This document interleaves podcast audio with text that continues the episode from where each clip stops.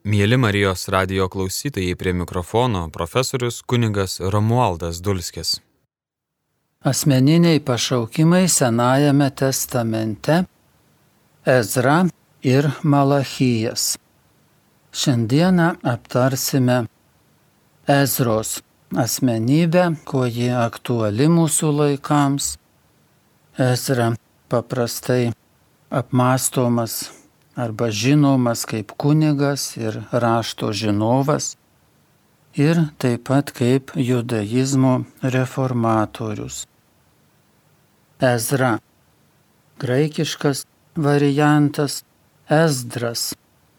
Ezra labiau žydiškas jo vardo variantas, artimesnis originaliam, taip kaip jis iš tikrųjų buvo vadinamas. Taigi jis gyveno apie 480-440 metus prieš Kristų ir veikė nuo 458 metų prieš Kristų. Taigi nusikeliame į penktąjį prieš Kristinį amžių. Kas mums žinoma apie šį asmenį? Ezdro knygos septintame skyriuje sakoma, Ezra buvo atsidavęs visą širdimi tyrinėti viešpaties įstatymą. Taigi jis buvo uolus ir dalykiškas, sakytume turbūt, žmogus uolus Dievui savo pareigoms kaip kunigas ir norėjo gerai išmanyti raštą, kad būtų kompetitingas. Kunigas kompetitingai galėtų tarnauti savo tautai. Dar ką žinoma apie Ezrą, jam priskiriamas palapinių šventės sukot įsteigimas. Čia citata iš Nehemijo 8 skyriaus, pradžia tokia citatos Kita diena visos tautos klanų galvos, kunigai ir levitai suėjo pas rašto žinovą Ezrą mokytis mokymo žodžių. Jie rado parašytą mokymę, kurį viešpats yra davęs per mozę, kad izraeliečiai turi gyventi palapinėse septintojo mėnesio iškilmių metu. Taigi, jie išleido atsišaukimą ir skelbė visose miestuose ir Jeruzalėje. Nueikite į kalvas ir parsineškite šakų alyvmedžio, laukinio alyvmedžio, mirtos, palmės ir kitų lapuočių palapinėms pastatyti, kaip yra parašyta. Žmonės tad išėjo ir parsinešę pasistatė palapines ant namų stogų, kiemuose, dievų namų kiemuose, vandens vartų aikštėje ir prie Efraimo vartų. Visa iš nelaisvės sugrįžusiųjų bendryje pasistatė palapines ir gyveno palapinėse. Taip izraeliečiai nebuvo darę nuo Nuno sūnaus Jozujas dienų iki tos dienos. Todėl buvo be galo daug džiaugsmo iškilmės buvo švestos septynias dienas. Aštuntą dieną, kaip įsakyta, įvyko iškilminga sueiga. Nehemijo knygos citatos pabaiga. Anot judaizmo tradicijos, Ezra įsteigė didįjį knesetą. Tai yra 120 rašto žinovų, išminčių ir pranašų asamblėja kuri turėjo rūpintis religiniu ir teisiniu tautos gyvenimu. Dar judaizmo tradicija Ezra laiko judaizmo tėvu, o Talmudas jį vadina antruoju Moze. Mūsų krikščioniškoje tradicijoje Ezrai nėra suteikiama tokia ypatinga vieta ir daugelis gal krikščionių tiesiog net mažai žino, be abejo girdėję apie Ezrą, bet tikrai nelaiko jo kokiu tai ypatingu asmeniu, Tačiau judaizmo tradicijoje jis yra kaip antrasis mozė. Ir matysime, kad tai nėra be pagrindo jam suteiktas toks titulas. Dėl didžių ir tikrai labai reikšmingų jo darbų, jo įtakos visai žydų ir judaizmo istorijos raidai tam tikrą prasme ir per įtaką judaizmui ir galėtume sakyti, kad ir jis ir krikščionybės toksai tam tikras pirmtakas.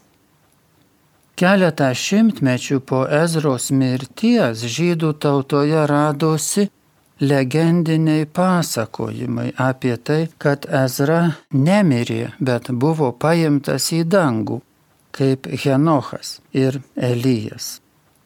Tie pasakojimai tikrai turbūt negali būti priskirti istoriniams pasakojimams, bet jie parodo tą pagarbą, kurią Ezra įgyjo bėgant laikui žydų tautoje ir judaizmo tradicijoje, kad jis imtas lyginti su Henochu ir didžioju pranašu Eliju, kurie du abu buvo paimti į dangų.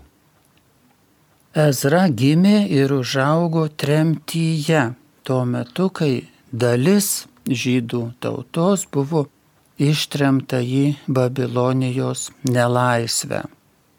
Taigi Ezra gimė klestinčioje Babilonijos karalystėje. Tuo metu Babilonija buvo pasiekusi apogėjų įvairiose gyvenimo srityse - karyboje, prekyboje, žemdirbystėje ir bendrai kultūroje. Tai tikėtina, kad gyvendamas Babilono tremtyje ir susidurdamas kiekvieną dieną su Babilono kultūra, Ezra taip pat susitiko ir zoroastrizmo idėjas. Tos idėjos po to atsirado ir judaizme, bet pirmiausia atrodo chronologiškai jos gimė zoroastrizme.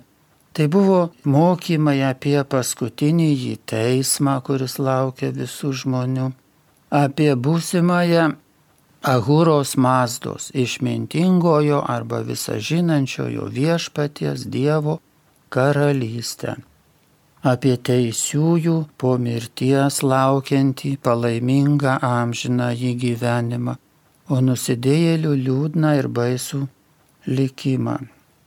Ir tai, kaip žinome, ankstyvasis liktolinis, vadinamasis pirmosios šventyklos judaizmas, su kurio mokymu visi žydai atvyko į Babiloniją, jis neturėjo tų idėjų, nes tas pirmosios šventyklos judaizmas lygi babiloninis ir babilonijos meto, jis kalbėjo apie mirtį kaip grįžimą į dulkes, į šešėlių šalį, šeolą ir Zaratustros idėjos iš tikrųjų turėjo imponuoti Ezrai ir ypač mokymas apie individualią kiekvieno asmens atsakomybę prieš Dievą. Judaizmas tuo metu suvokė tik tai kolektyvinę tautos atsakomybę. Dievas kalba tautai, tauta atsiliepia arba neatsiliepia, klauso arba neklauso. Būdavo kalbama apie Dievo santykį su tauta, tautos atsidavimą ir ištikimybę Dievui. O iš Babilonijos Ezra parsinešė tas idėjas apie kiekvieno asmens atsakomybę, individualią žmogaus atsakomybę ir tuo pačiu žmogaus orumą kiekvieno žmogaus turtas ir aukštas socialinis statusas tiek Zaratustros, tiek Izraelio gyvenamoje aplinkoje buvo suprantamas kaip Dievo palaiminimas. O neturtas ir žemas socialinis statusas kaip nepalaima ar koks tai atmetimas. Todėl Zaratustros skelbiama tuo metu revoliucinė, taip galėtume sakyti, geroji naujiena, kuri iš tikrųjų buvo tuo metu išgirsti ją žmonėms, tai buvo kažkas labai gero, viltingo, džiuginančio, sustiprinančio. Taigi ta naujiena buvo ta, kad Dievo palaiminimas sėtinas ne su turtais, ne su socialiniu statusu ir ne su sėkme šiame pasaulyje, bet su asmens veiksmų moralumu. Asmens veiksmų moralumo pabrėžimas buvo tuo metu Babilonijoje vykstantis, sakytum, toks religinis ryškus pokytis, kuris į religijos sferą įnešė individo moralumo reikšmę. Ir taip pat atrodo, kad iš Zaratustros visų pirma atėjo ta samprata, kad asmens moralumas turi reikštis mintimis, žodžiais ir darbais. Taigi neužtenka išorinio tokio kilnaus geranoriško elgesio, bet ir mintyse žmogus turi puoselėti geranoriškumą, nes Dievas mato jį, keurai žmogų visą mato. Ir, ir tos mintys tuo metu žydams buvo visiškai nu, naujos arba didžiaja dalimi naujos. Universalistinis zoroastrizmo mokymas, kad visi žmonės, nežiūrint jų tautinės ar religinės priklausomybės, yra atskaitingi prieš vieną teisingą ir išmintingą aukščiausiąjį Dievą. Turėjau praplėsti žydišką Ezros religinį pasaulį vaizdį ir jo judaizmo sampratą.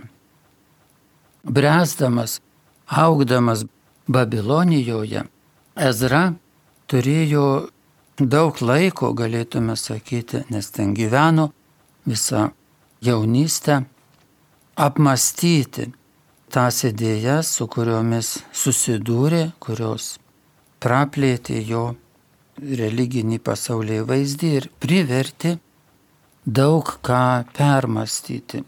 Tikėtina, negalime pasakyti turbūt su tikrumu, nes nėra kokios tai Ezros biografijos, bet ta situacija, socialinė situacija atrodo, kad buvo tikrai tokia, kurioje gyveno žydų tremtiniai. Kai Ezra grįžo į gimtają šalį iš Babilonijos tremties.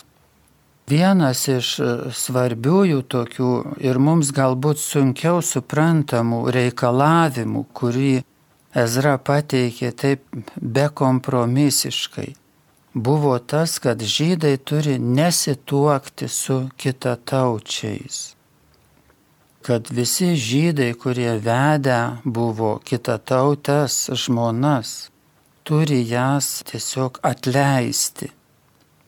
Ir mums šiandieniams žmonėms tai labai sunkiai suprantama, tas reikalavimas turbūt jis yra keistokas. Aišku, galim stengtis jį suprast, nes Ezra motivavo, aišku, kad tai sumaišymas toks vertybių, tikėjimų, kad atleisti tas pagonių kitų tautų žmonas, tai reiškia ištikimybę judaizmo tradicijai ir taip toliau. Bet tokiu bendra žmogiška prasme atrodytų, kad tikrai nelengva mums priimti. Arba tokią taisyklę atkeltume į šios laikus, tai net atrodytų absurdiška. Esamas santuokas išardyti. Bet iš tikro, kas slypi, kas slypi šitame Ezros reikalavime, kurį nėra jokio reikalo mums perkelti į šį laikmetį, bet turbūt yra didelė prasme suvokti, ką jisai reiškia anuomet. Ir kadangi Ezra akcentavo tai, kad iš mišrių santokų susimaišo judaizmo idėjos su kitų tautų idėjomis. Ir sakytume, susimaišo gėris ir blogis. Ir tokiu atveju, tokiam kontekste tikrai atrodė, kad Ezros reikalavimas iš tikrųjų buvo reikalavimas už kokybišką etiką, už visavertį religingumą, už tai, kad žmonės žydai gyventų tokioj šviesoj, tikroj tikėjimo šviesoj ir neprisimaišytų kokios tai neteisybės, suktybės, tai kas galbūt pateikiama kaip vertybės, bet nėra vertybės. Kad žydai galėtų gyventi puoselėdami teisingumą, brandų žmogiškumą ir visokie tokie blogiai, sakytume, moraliniai, dvasiniai blogiai būtų atskirti. Tai manyčiau, kad galėtume apibendrindami sakyti, ko Ezra siekė. Nors mums galbūt šiandieną nepriimtina tas išskirti susituokusius žmonės, bet idėja buvo jo ta, kad atskirkime gėrį nuo blogių, pavadinkime gėrį gėriu, blogį blogiu ir nemaišykime savo gyvenime. Laikykimės to, kas gera.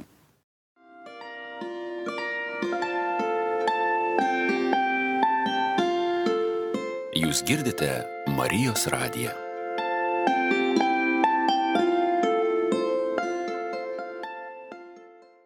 Čia galėtume grįžti prie Mozės, kadangi Ezra antrasis Mozė, tai kągi, sakykime, teologas dar kai buvo Jozefas Ratzingeris, popiežius Benediktas XVI, jis prabilo apie Mozės distinkciją. Ar jis iš savęs, ar nežinau, ar tai jo originali mintis, bet vis tiek ji labai svarbi. Ir anot Ratzingerio Mozė toks irgi buvo revoliucinis veikėjas religinėme pasaulyje, kuris įvedė skirtumą, atskirti tiesą nuo melo. Ratzingeris sako, kad religija lygi tol, bet kokia religija, neakcentavo to melo ir tiesos skirtumų nes akcentavo nu, dievų ar dievo palankumą žmogui. Religijos tikslas, kad žmogus kaip nors laimėtų dievų palankumą. Taip kaip kokio nors, žinai, tokio korumpuoto valdininko eiti su kyšiais, ką nors duoti ir tada, nu, jis gal tau vat ką nors pasuks. Tai maždaug toks e, santykis su dievais ar dievu, kad kaip atlikti, ką dievas prašo, jį garbinti, jam ką nors aukoti ir laimėti jo palankumą, kad jis laimintų, kad mums sektųsi. Ir Mozės su dešimčia dievo įsakymų ir visų įstatymų, ką jis atnešė izraelitams, buvo ta idėja, kad Dievas nori tiesos, kad laikytumėmės ir laikytumėmės gėrio ir atmestume. Dievui netiek rūpi mūsų aukos ar mūsų kažkoks tai, kad mes jam liaupsintume Dievą, bet kad atmestume iš savo gyvenimo melą ir blogį ir tuo pagarbinamas yra Dievas. Tuo pagarbinsite Dievą sakė Mozė visų savo mokymų.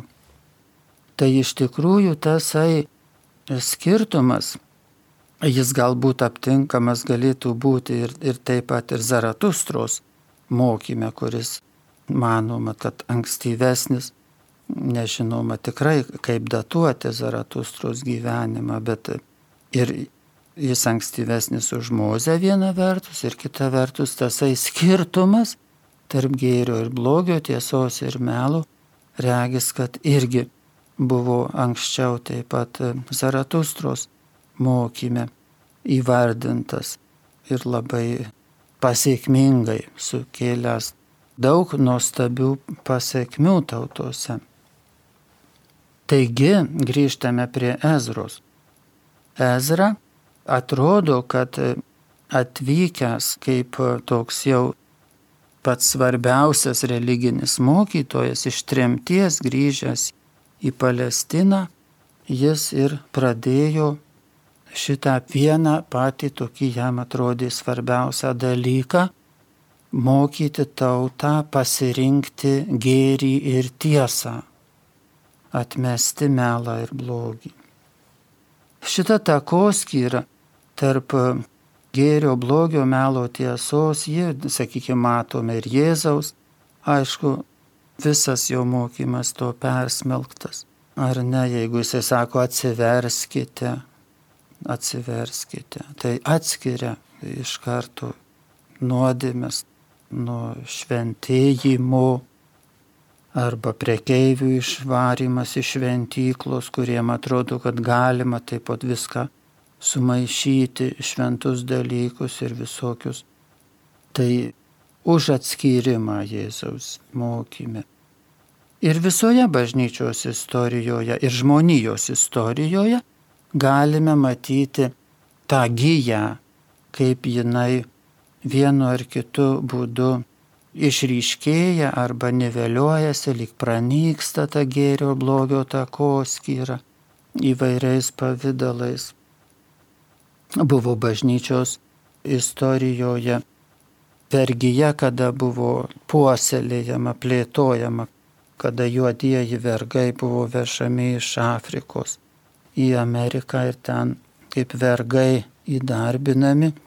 Ir iš viso baltieji susidūrė su juodaisiais, tokiu mastu susidūrė masiškai ir tuomet teologai svarstė apie galimybės įteisinti tą vergyją, kadangi galbūt e, juodieji arba iš viso neturi sielos, arba yra tokio žemesnio lygio žmonės. Ir pavyzdžiui, žinoma, kad net vienuolynai Pietų Amerikoje turėjo vergus. Pavyzdžiui, San Paulo mieste 1729 metais benediktinų vienuoliai turėjo 144 vergus, o karmelitai ten turėjo 431 vergą. Tuo metu bandyta net teologiškai reiškia pateisinti vergyją. Ir vėliau tai pavadinta kolonijinė teologija, neteisinga teologija. Bet tuo metu toks buvo periodas, kur gėris ir blogis atrodė šiuo aspektu galima buvo priimtina tarsi sumaišyti. Taigi iš tikrųjų Biblijoje, grįžkim prie Biblijos, matome dažnai tą takoskyrą kaip ir Ezros gyvenime, kad atskirti konfesiškai, reiškia mūsų izraeliečiai, žydai, jau mes žydai laikomės teisingo tikėjimo, o kitos tautos klaidingą tikėjimą turi ir todėl jos atmestinus. Jeigu tai pažodžiu įman, tai ir į šias dienas, kai perkeliame tokį požiūrį ir kadangi mūsų laikai jau visiškai kitokie ir žmonių supratimas yra, kad yra tik visų tautų, visų religijų, didžiųjų religijų, žmonių supratimas yra, kad iš viso nėra kelių dievų, yra vienas dievas, visi vienai par kitaip tą vieną dievą tiki arba iš esmės ir ta etika arba moralė turi tuos pačius pagrindinius principus.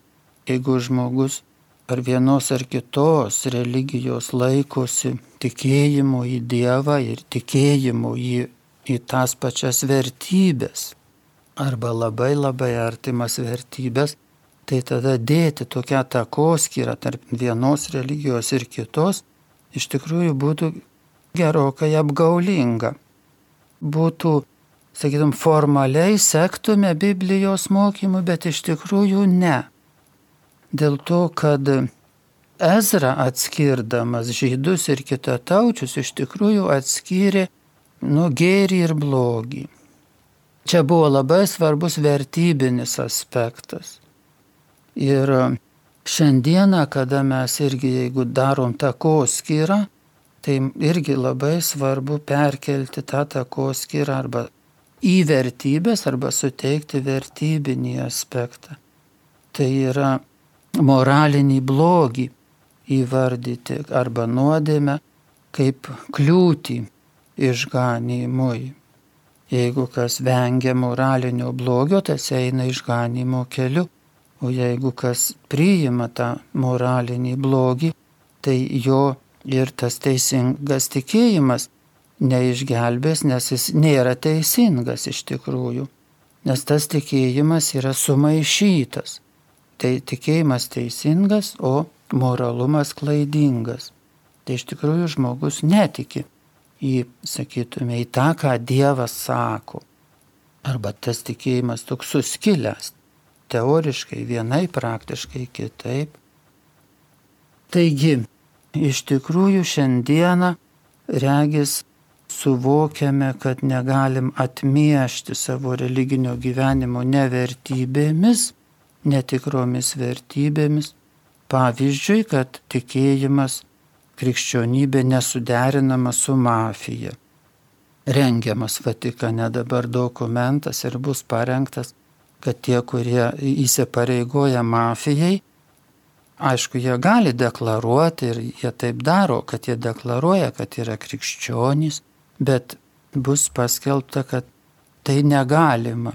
Negalima suderinti priklausimą nusikalstamoms grupuotėms ir priklausimą bažnyčiai, tai yra toks iliuzinis, tada jeigu žmogus galvoja, kad gali priklausyti abiem, tai jis yra iliuzijoje, tie dalykai nesuderinami. Ir tai atrodytų tolimas mums dalykas, ta mafija mums labai tolimas, bet iš tikrųjų ne. Dėl to, kad pavyzdžiui, o korupcija, o korupcija ir krikščionybė. Ir jau mums čia, sakytume, jau čia nėra taip aišku. Taigi, iš tikrųjų, to turėtų būti, žvelgiant į Ezros veiklą, į jo misiją, mums kaip tik išryškėja, kad tasai gėris turi būti nu, atskirtas nuo blogių. Bet koks korumpuotumas, bet koks blogumas, bet kokia socialinė neteisybė, ji iš esmės yra priešinga Dievui, nes priešinga teisingumui. Tokiu būdu šiandieną turbūt iš tikrųjų, jeigu mes sektume Biblijos mokymo pačia giliausia esme, tai matytume, kad tasai skirtumas, ta takoskyra eina ne tarp skirtingų konfesijų ar religijų netgi, bet eina takoskyra tarp vertybių tarp tiesos ir melo, tarp gėrio ir blogio. Ir pavyzdžiui, šiandienį genderizmo ideologiją galime irgi sakyti, kad siekia, apibendrindami jos idėjas, visą, ką ji nori įteikti, kad jis siekia sulyginti gėrį ir blogį, panaikinti tą esminį gėrio ir blogio skirtumą skirtumą iš tikrųjų, kuris lemia išganimą ir asmens brandą. Jeigu mes sumaišome gėrį su blogiu, tai nukenčia mūsų asmenybės kokybė, mūsų asmens gyvenimas, mūsų brandumas, mes nebegalime bręsti. Ir todėl labai svarbu suvokti šiandieną ir visais laikais ir įvardyti, kas yra gera ir kas mus ugdo ar brandina, o kas yra bloga ir destruktyvu. Bet grįžkime prie Ezro. Ezro, Ezdro knygoje pasakojama, kaip Ezra atvykęs į grįžęs į jau savo, nu negimtąją šalį, nes jis gimė Babilonijoje, bet tautos gimtają šalį. Kaip jis atgailoja už tautos nuodėmes ir kviečia visus atsiversti, pataisyti savo gyvenimą, gyventi sandoroje su Dievu. Ir iškelia tuos dvasinius tikslus tautai, ne ekonominius, kad dabar imkimės, griebkime viską, verslą daryti, tą žmonės savaime padarys, bet atsiversti, gyventi sandoroje su Dievu, tai buvo pamatas tautai, kad jie atsitiestų, atsistotų, kad taptų iš tikrųjų tikrai laisva ir ori tauta. Ezro, Ezdro knygos dešimtame skyriuje sakoma, kai Ezra verkdamas parpuolė kniupščia prieš viešpaties namus, meldėsi ir išpažino kaltę. Prie jo susibūrė didžiulė izraeliečių, vyrų, moterų ir vaikų sueiga ir žmonės graudžiai verkė. Toliau Ezdro knygoje sakoma, Ezra Praleido visą naktį, ten jis nei duonos valgė, nei vandens gėrė, nes raudojo dėl sugrįžusiųjų iš tremties nusižengimo. Taigi Ezra rodo socialinį tokį solidarumą, jaučiasi nariu tautos ir atgailauja už tautos kaltes. Ir devintame Ezdros skyriuje randame ilgą maldą, kurios visos neverta čia mums skaityti, bet atkreipti galbūt dėmesį, kaip Ezra kalba Dievui. Mano Dieve, aš gėdijuosi pakelti veidą į tave ir raustu. Mano Dieve, mūsų nedori darbai krintant mūsų galvų ir mūsų kaltė siekia dangų. Citatos pabaiga. Matome, koks jautrus Ezra kaltėms ir kokį duoda pavyzdį izraeliečiams nu, ir mums atkreipti dėmesį į savo kaltes.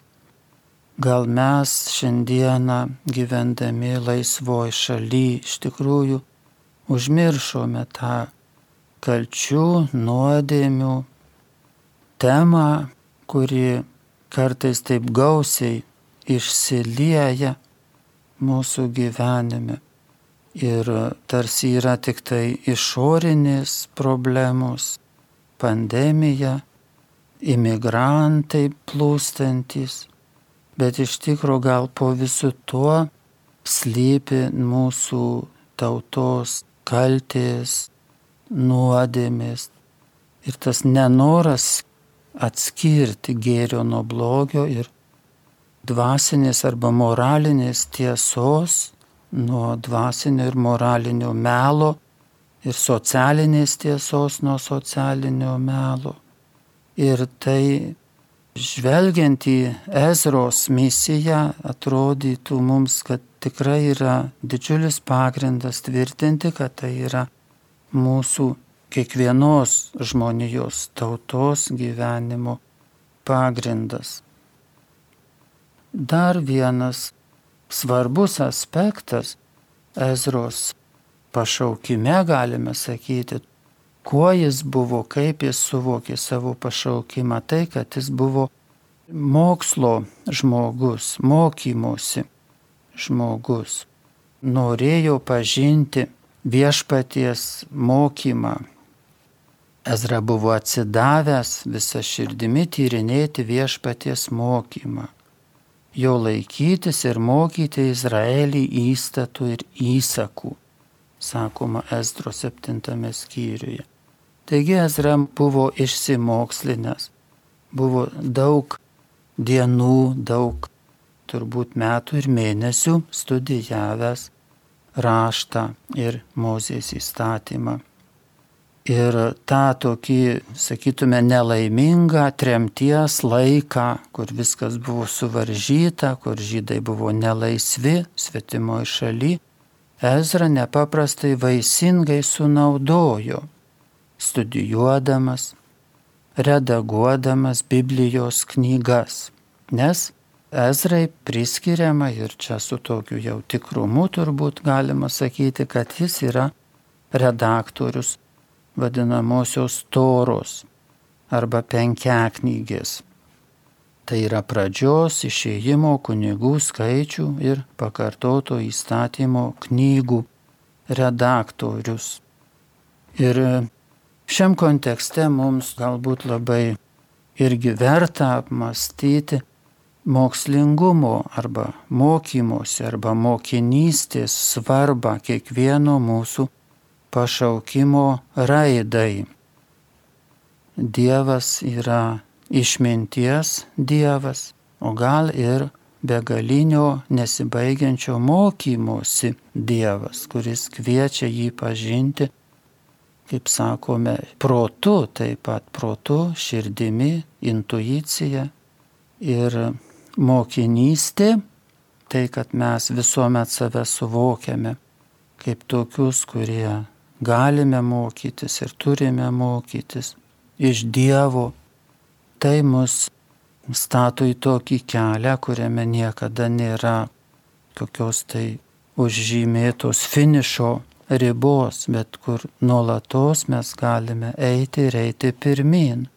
Ir Ezra buvo ne tik tuo didis, ką jis buvo išmokęs, bet turbūt jis yra visų pirma didis tuo, kad jis buvo viešpaties mokinys ir visa savo būtimi skelbė tą mokinystės kelią.